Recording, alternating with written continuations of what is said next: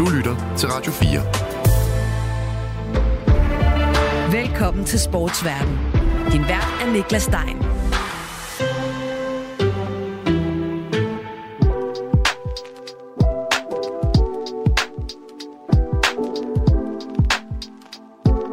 Den har ligget stille hen over vinteren, men nu er de dyre cykelstel så småt pusset af, dækkene er pumpet, og cykelsæsonen ruller ud på landevejen.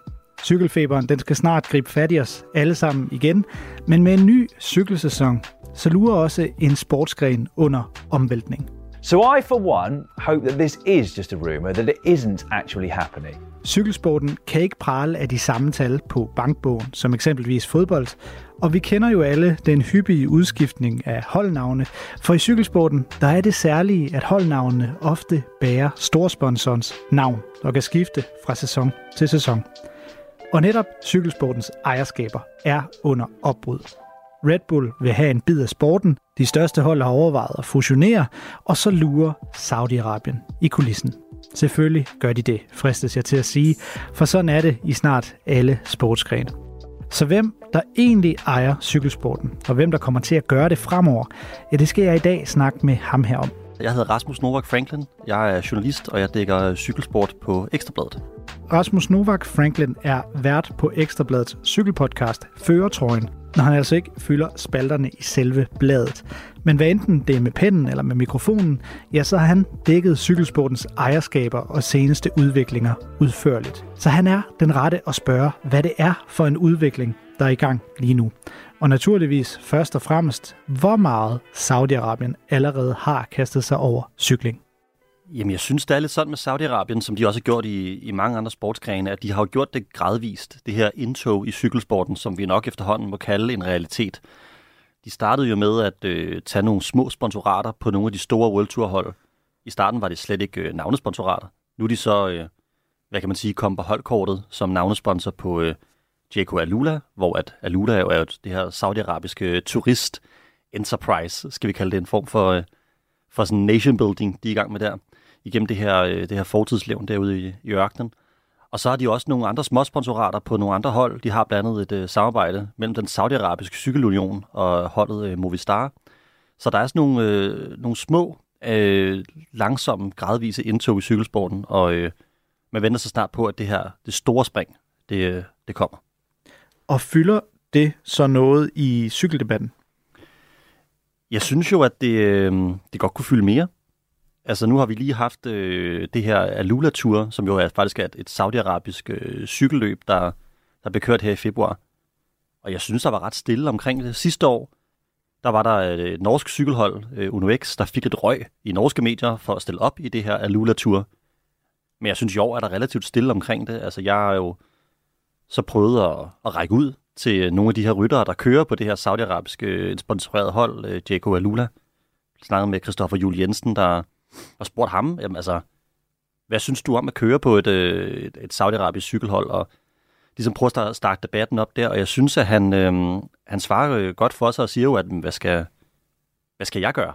Altså, det, øh, det, det, er jo ikke, det er jo ikke mig, der, der sørger for, at der kommer en saudiarabisk sponsor til. Jeg, jeg er bare en rytter. Jeg kører bare på den her kontrakt på det her hold. Jeg har kørt på det her hold i, jeg tror, det er hans 9. sæson. At det her hold så er blevet saudiarabisk sponsoreret, er jo ikke noget, han har stået for. Så hvorfor skulle han ville skifte væk? Og som man også understreger, hvis jeg skifter til et andet hold, hvad er chancen så ikke for, at det lige pludselig bliver sponsoreret af UAE, Bahrain, Saudi-Arabien, whatever. Så det er jo, øh, jeg synes debatten øh, er der, den er der ikke så meget mellem rytterne, og jeg synes medierne, øh, vi kunne nok godt gøre mere for at dække det, for jeg synes det er et øh, markant indtog. Der er mange World hold, der efterhånden er statsejet. Christoffer Juel Jensen, han svarer i, i det mindste, og svarer på en eller anden måde ærligt. Er det mere end hvad man kan sige om, om øvrige ryttere, eller, eller bliver de slet ikke spurgt? Jeg synes jo ikke, de er blevet spurgt så meget til det. Jeg har jo, øh, og nu skal jeg ikke stå og sige, at det er mig, der, der bærer debatten på mine skuldre. Der er også andre, der har gjort det. TV2 øh, forsøgte under øh, Tour de France at få Bahrain, øh, Victorious-holdet i tale. Øh, de snakkede med øh, nogle af deres ryttere og spurgte, om de vidste, hvor deres penge kom fra. Men der var reaktionen altså fra Bahrein-holdet, at så blev de simpelthen øh, bandlyst fra at stille spørgsmål til Bahreins ryttere i, i et stykke tid. Så man kan sige, holdene sætter også hårdt mod hårdt i nogle tilfælde. Ikke? Bahrein-holdet lukker helt ned for, for TV2, som er et enormt øh, medie herhjemme, når det handler om cykelsport og dækning af den, især Tour de France.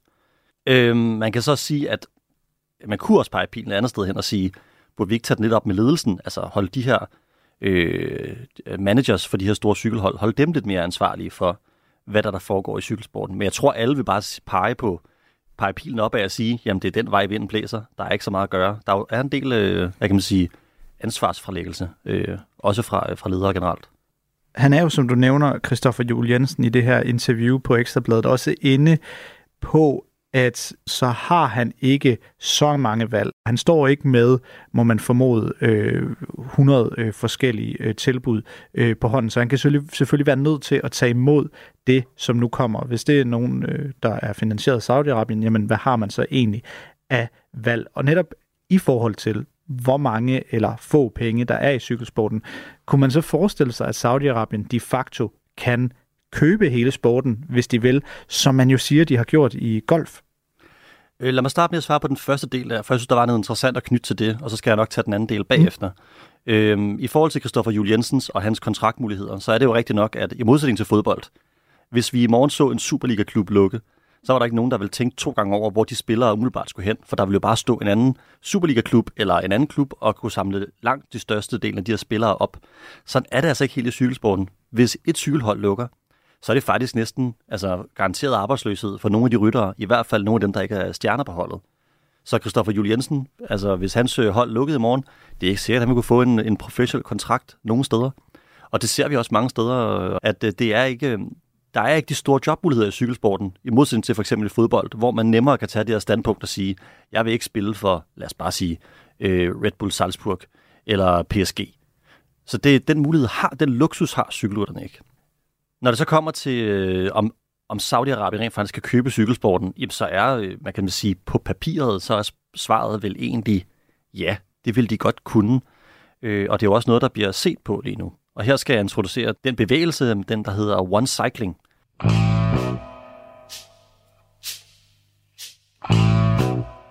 We are doing a quick episode on the recent developments with the rumored One Cycling Super League, headed by Richard Pluga of the Jumbo Visma team. One Cycling, hvad er det? Group consortium of the top teams in the sport together to create, we're not so sure. I guess people are saying Champions League style league. I, I don't know if people saying that know exactly what Jo, altså, vi ved jo alle sammen, hvordan cykelsporten fungerer i dag. Der er alle de her store cykelløb, Tour de France, de store øh, øh, øh, Grand Tours, de store monumenter, Flandern rundt, Paris-Roubaix og sådan noget der.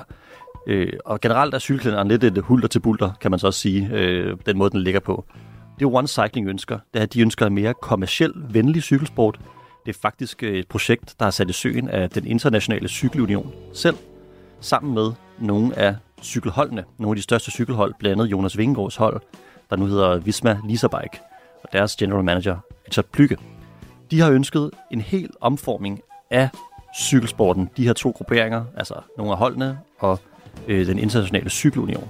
Og hvordan skulle man så få finansieret den her total omstrukturering af cykelsporten? Jamen det skulle man så gøre blandt andet igennem investeringer fra den øh, øh The Public Investment Fund i øh, Saudi-Arabien, som jo er dem her, der også har spyttet milliarder i fodbold. De vil så kunne købe, øh, hvad kan man sige, rettighederne til tv-rettighederne og øh, og måske også kunne købe øh, for eksempel Tour de France-arrangørerne, ASO, ud af, øh, ud af deres øh, rettigheder til Tour de France, af det, man pynser på, der kunne ske. Det vil selvfølgelig koste. Der bliver kastet nogle fantasibeløb rundt lige nu i forskellige medier. Jeg har læst, at det vil koste, øh, de vil være klar til at lægge 1,8 milliarder kroner.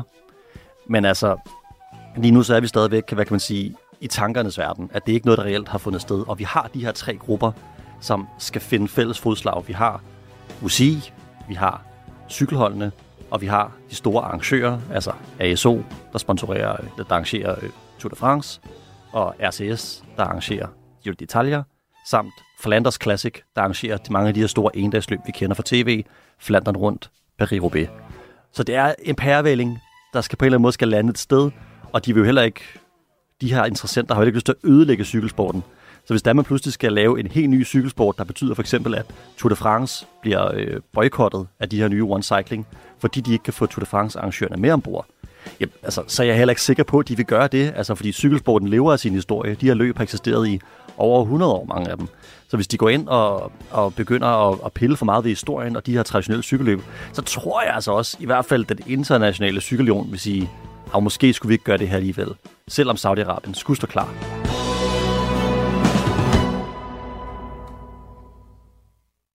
Så altså lige nu en plan, der ligger og lurer ude i horisonten, men som ikke virker videre sandsynligt lige pt. Altså, der blev arbejdet på det, og der er en øh, engelsk journalist, der hedder Chris Marshall Bell, der lytter godt efter på, hvad der sker, og, og der er bevægelse. Der har været møder, ja, selv herunder Alula-tur, som jo foregik i Saudi-Arabien, jeg snakkede om før. Det, øh, der var der møder imellem øh, World Tour hold og, øh, og øh, arrangører, og øh, der har også lige været an, øh, an, øh, angiveligt et øh, møde i øh, London imellem nogle af World Tour holdene og, øh, og andre parter. Så det er noget, der er i bevægelse, men om det sker næste år, om øh, fem år. Man snakker om 20, 2026 kunne være et sandsynligt scenarie, øh, der der, der kunne ske noget. Men jeg skal også se det, før jeg tror det. Fordi det er et kæmpe kludetæppe. Fordi hvis jeg lige må knytte en ekstra note, så, så har vi jo alle de her store cykelløb, som nok skal klare sig, hvis de kommer med ombord, altså Flandern rundt, Paris-Roubaix, Tour de France, hvis de er enige om, at det her projekt er en god idé, øh, så skal de jo nok klare sig. Men hvad med alle de små løb? Hvad med sned som er hjemme som PostNord Danmark rundt? Altså, hvordan, hvis de ikke er en del af den her nye One Cycling, øh, som, skal, som har sagt, jamen vi vil gerne prøve at gøre cykelsporten enklere. Der skal være, der er for mange løb lige nu. Vi skal skære ned på antallet af løb. Vi skal gøre det mere kommercielt venligt, sådan så alle løb slutter i weekenden, og vi skal gøre det. Det er nogle af de ambitioner, de har lagt ud for dagen og sagt, det er for kludret lige nu med den nuværende løbskalender. Hvis det er for kludret nu, så er der nogle løb, der skal dø. Og det er jeg heller ikke sikker på, at alle parter er interesseret i, når det kommer til stykket.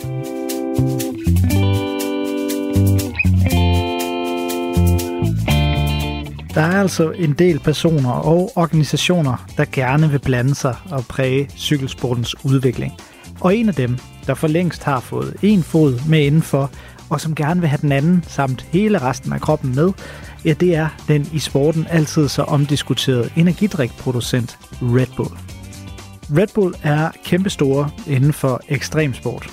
Og det er takket være dem, at der kan holdes blandt andet store turneringer og opvisninger i alt fra udspring, surfing, motorløb og meget mere.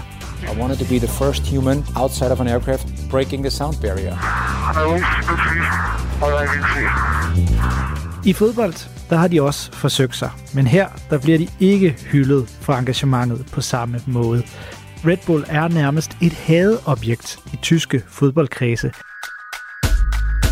They see it as um, undermining the ideas and ideals of what football is about. Leipzig is the uh, public enemy number one, and I don't give a fuck about it.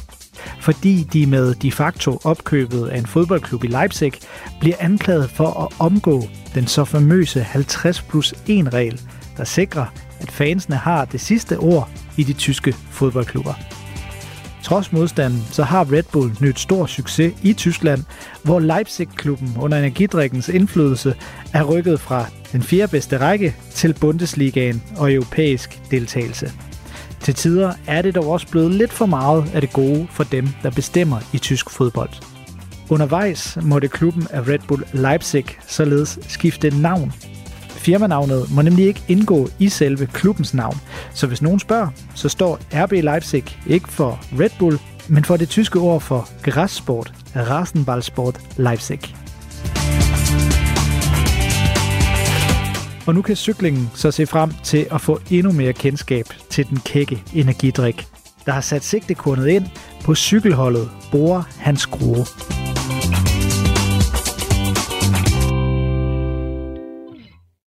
Det, som Red Bull har gjort med Bor Grue, er utrolig interessant, øh, fordi når vi tænker på øh, Red Bull komme ind på cykelhold, så tænker mange umiddelbart, nå, men det er jo ligesom, når Little bliver sponsor hos Trek. Det er det faktisk ikke helt. Fordi i, øh, til hvis vi tager et, et, et eksempel med, at Little nu er blevet øh, sponsor hos Mads Pedersens øh, hold, øh, Trek, jamen så ser vi jo, at de kommer på trøjen, og de er navnesponsor hos holdet, og det er meget fint. Det er jo den klassiske model i cykelsporten, som vi kender, hvor der er navne på trøjerne, og de plaster til, og det er sponsorerne. Vi kender det fra Quickstep, Little Trek osv.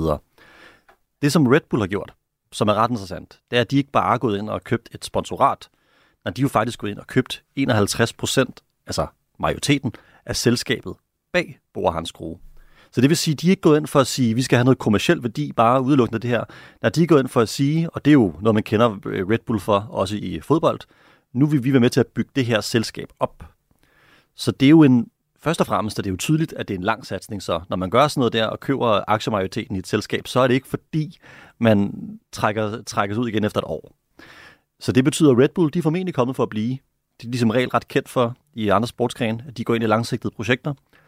Og hvad jeg hører fra folk, så forventer de, at det kommer til at betyde, at Bor Hansgrohe, de om et par år, kommer til at være, ja, et af de har allerede været på vej derhen et stykke tid, men at det her nu vil betyde, at de bliver en af de største hold i cykelsporten inden for et par år, sammen med UAE og, og Visma, Lisa Bike. Og hvis man ser på, hvad Bor Hansgrohes styrke er i forhold til for eksempel Jonas Vingårds øh, Visma Lisa Bike hold, jamen så er det jo, at en ting, altså det er helt sikkert, at øh, Red Bull, hvis der står og mangler nogle penge til holdet i morgen, så skal de nok være med til at lægge det sammen med de eksisterende sponsorer. Hvorimod hos Visma Lisabike, der kan Visma, som er deres øh, navnes største sponsor, kan jo sådan set øh, smutte, når deres kontrakt udløber om på år. Og så skal de stå igen og finde en ny sponsor. Så det er, giver noget, noget sikkerhed for Bora Hansgrohe-holdet, som jo har Primus Roglic, øh, Jai Hindley, Daniel Felipe Martinez, for bare at nævne et par stykker, Alexander Vlasov og danske Frederik Vandal, hvis man lige skal skyde det ind. Så det er jo en utrolig interessant model, og måske også en meget god modvægt til den øgede mængde af statsejet hold, vi ser i cykelsporten. Altså Bahrain Victorious, UAE Team Emirates, JK Alula, Astana, klassisk hold, mange også kender. Øh, jeg var lige ved at sige Israel Premier Tech med, men hvad mange tror der, at de er statsejet, det er det faktisk ikke. Det er en rigmand, der også driver det hold. Øh, så det er jo måske en meget god modpol til noget af den bevægelse, vi ser der. Og jeg tror også, i modsætning til fodbold, så tror jeg, at Red Bull vil blive taget meget bedre imod i cykelsporten, fordi alternativet er øh, de her øh, statsejede mellemøstlige hold. Så det er, jeg tror, det er et meget interessant projekt, og det er sjovt. Timingen er god og interessant, og skal nok give noget spænding i cykelsporten. Så grund til, at den her historie stikker ud, det er, at Red Bull ikke bare nøjes med at plastre holdets øh, trøjer til med øh, den her røde øh, tyr, der er så kendetegnende for deres øh, firma. Det er simpelthen fordi, de går ind og overtager ejerskabet. Fuldstændig rigtigt, ja. Og i første omgang, så kommer deres navn heller ikke til at være på tøjet. Altså lige nu kører de rundt i forskellige løb, og jeg mener ikke, at navnet er på tøjet.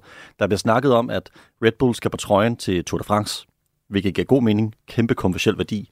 Men det siger meget om, at de ikke, de er ikke travlt med at få navnet på trøjen, og det har også været en, en altså selvom det har været offentliggjort her i, jeg mener det var i øh, start februar, at de var offentliggjort, at de havde overtaget delen af øh, majoriteten af holdet, så er det ikke fordi, de har haft travlt med at skulle skyde Red Bull derud. Øhm, og det, der er også interessant ved det, det er, at Red Bull i forvejen sponsorerer andre atleter, og det er ikke små atleter, de sponsorerer. De sponsorerer blandt andet Wout van Aert og Tom Pitcock. Så det vil sige, de to kæmpe stjerner går rundt med et personligt Red Bull-sponsorat lige nu. Nu er Red Bull ejet et cykelhold. Må ikke, at vi om et par år så kan se de to rykke fra henholdsvis uh, Visma Bike og Ineos til det nye uh, Bora Hansgrohe Red Bull-hold der. Og i forhold til Bora Hansgrohes størrelse på den ene side, og så Red Bulls økonomiske muskler på den anden side. Er det altså noget, man skal holde øje med i forhold til, at der kan komme et nyt superhold ud af det? Det er min overbevisning. Øh, især fordi Red Bull jo også kom med noget know-how i forhold til, øh, hvordan man opbygger øh, et, et stærkt øh, og meget, meget... Øh, på, altså, de har, hvad vi har set i fodbold har jo været imponerende, selvom det er upopulært i, øh, især i Tyskland og Østrig, det de har gang i der. Men en ting er sikkert, at de ved noget om, hvordan man driver en virksomhed. Jeg tror også, de ved, hvornår man skal blande sig, og hvornår man ikke skal blande sig i, øh, i det. Og jeg tror, at det godt kan blive til et storhold, det her. Det er det, også de rytter, jeg har snakket med omkring det, har øh, står allerede og, og tænker, eller nogle af dem gør, det her det kommer til at blive det store hold om et par år. Måske kommer de til at overtage den plads, som øh, Visma Lisabike har haft i cykelsporten. For hvad vi har set i cykelsport er jo, at der er ingen, der bliver på toppen for evigt. For seks år siden kunne vel ingen, der kunne have troet, at, at øh, det daværende Team Sky nogensinde skulle ikke vinde Tour de France, som de jo sad tungt på. Det skete. Nu er det Jumbo, eller Visma, der sidder på, øh, på tronen, og der kommer nok også nogle andre. Så må det ikke, at det bliver Bora Hansgrohe, Red Bull, der kommer til at overtage tronen på et tidspunkt.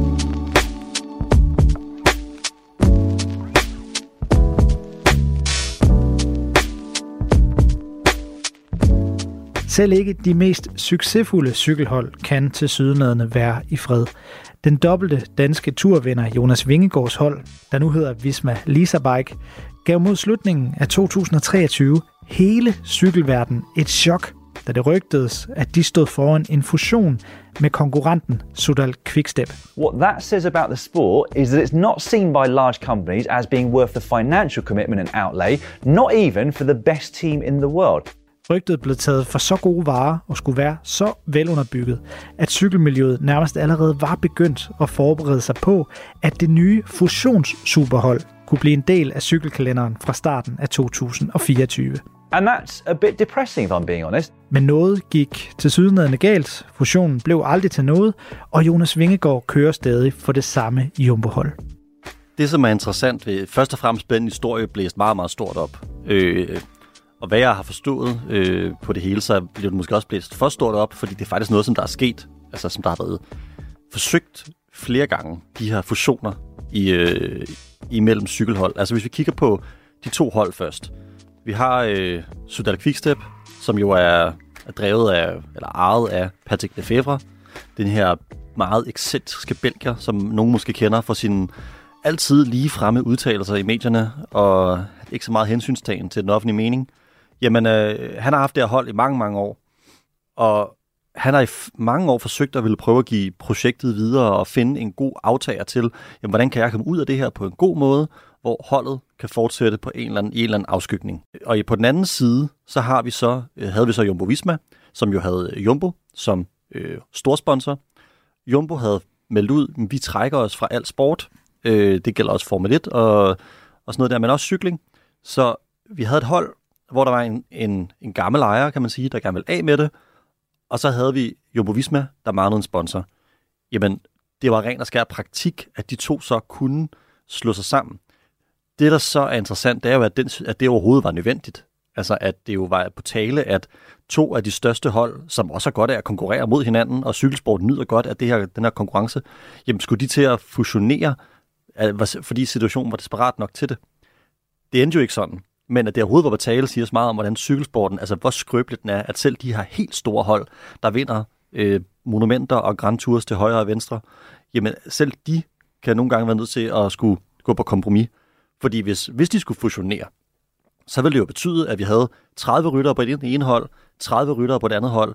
De skulle så blive til et hold med 30 ryttere. Jamen, regnestykket er jo klart. Det betyder, at der kommer til at være 30 arbejdsløse ryttere, for uden en hel masse øh, staffmember, altså mekanikere, sonjører og sådan noget der, som, som så skulle ud og have en ny kontrakt. Det, der var interessant, som det, den her effekt havde, bare de her rygter, det betød, at hele, hvad kan man sige, transfermarkedet i cykelsporten, jamen det frøs.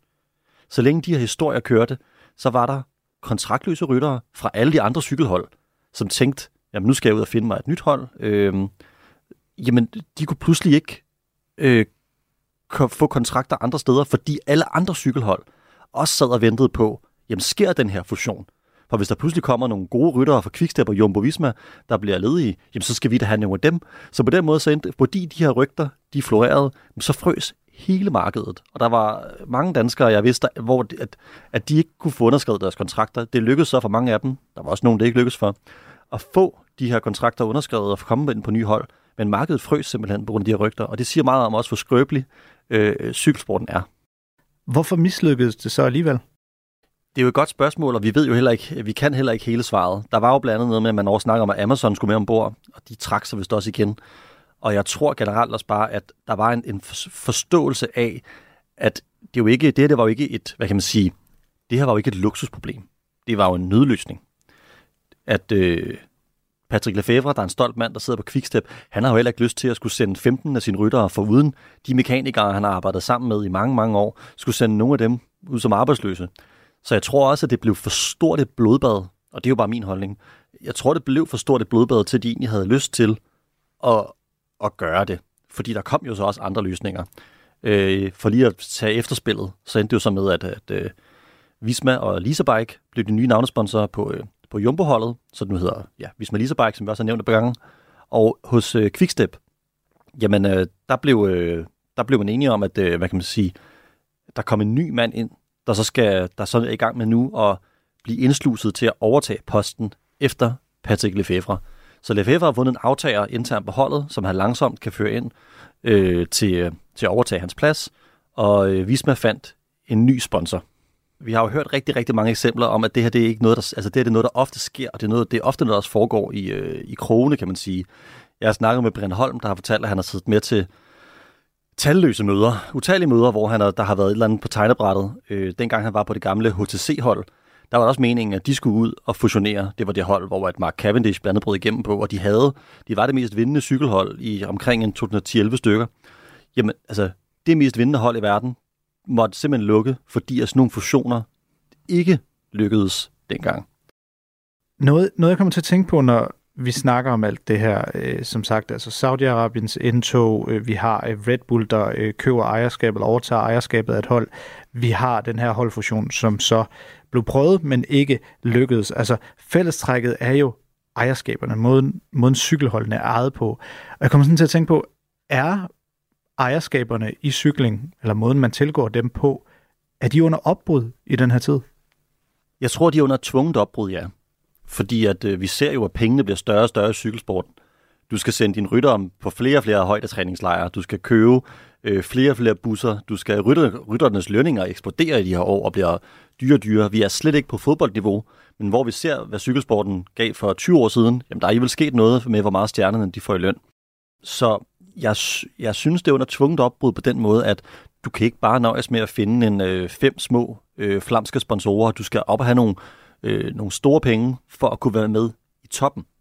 Det skal så siges, at vi har jo også nogle af de her klassiske cykelhold, øh, Intermarché, øh, der er jo, hvor en af deres øh, general managers ude at sige forleden, jamen altså, hvis pengene bliver større i cykelsporten, så har jeg ikke set nogen af dem, fordi han har ikke, altså han har ikke fået nogen penge. Øh, hans budget er ikke vokset grad, øh, voldsomt de sidste par år. Så man kan sige, at der er større forskel på top og bund. Og i toppen, der ser vi helt klart et opbrud i, hvordan de her cykelhold skal drives, fordi du skal ud og finde de her enorme beløb øh, for at kunne være med i Grand Tours. Vi ser også, at det, det er jo de samme hold, der vinder Tour de France og, og, og de andre Grand Tours år efter år, fordi at de har midlerne, øh, som de har skaffet igennem de her øh, lidt, utrad- lidt utraditionelle ejerskaber fra Mellemøsten og sådan noget der, at, sådan, at det er jo det er virkelig, øh, der sker noget på den front i den øjeblikket, men nede i bunden, der har vi stadig de her traditionelle cykelhold, som man kender som nostalgikere fra 80'erne og 90'erne.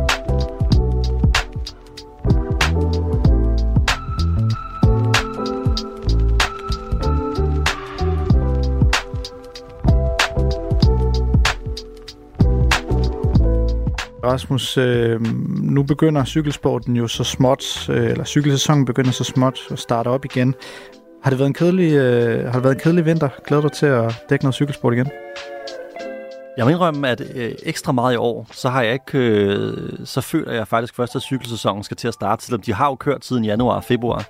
Jeg har været svært ved at komme i stødet over øh, de her, øh, de her første vinterløb, men jeg har godt mærket nu, hvor de store stjerner begynder at komme ud på landevejene, så, så begynder spændingen at komme tilbage, og jeg ser meget frem til, øh, til brostensklassikerne, som, er, som venter lige om hjørnet jo her. Og tager Jonas Vingegaard øh, et hattrick ned i Paris til sommer? Altså, på papiret, så ligner det jo næsten en, øh, jeg vil lige sige, en, øh, en nemmere sejr end sidste år, fordi Pogacar han også satte sig på øh, at skulle toppe i maj til Giro d'Italia. Men øh, vi skal passe på, de der UAE Team Emirates der, de kommer jo med en 4, 5, 6, 7, 8, 10 kaptajner til, øh, til Tour de France, ligner det. Så jeg tror, øh, Jonas Vingegaard, han skal, han skal passe på, for de kommer til at køre i, øh, i højre og venstre, når de rammer, når de når til Frankrig i øh, juli.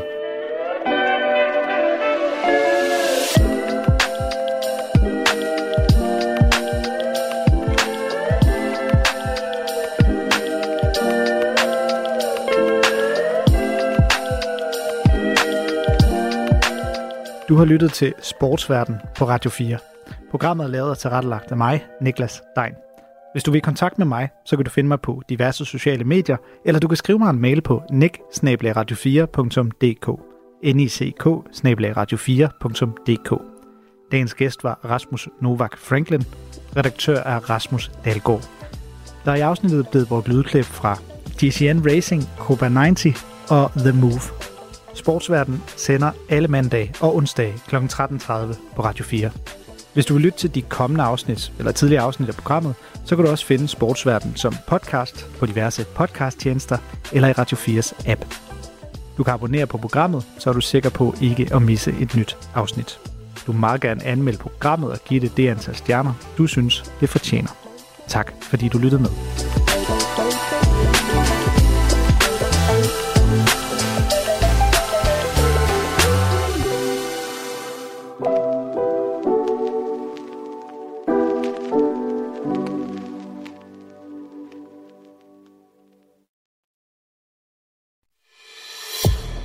Har lyttet til en podcast fra Radio 4.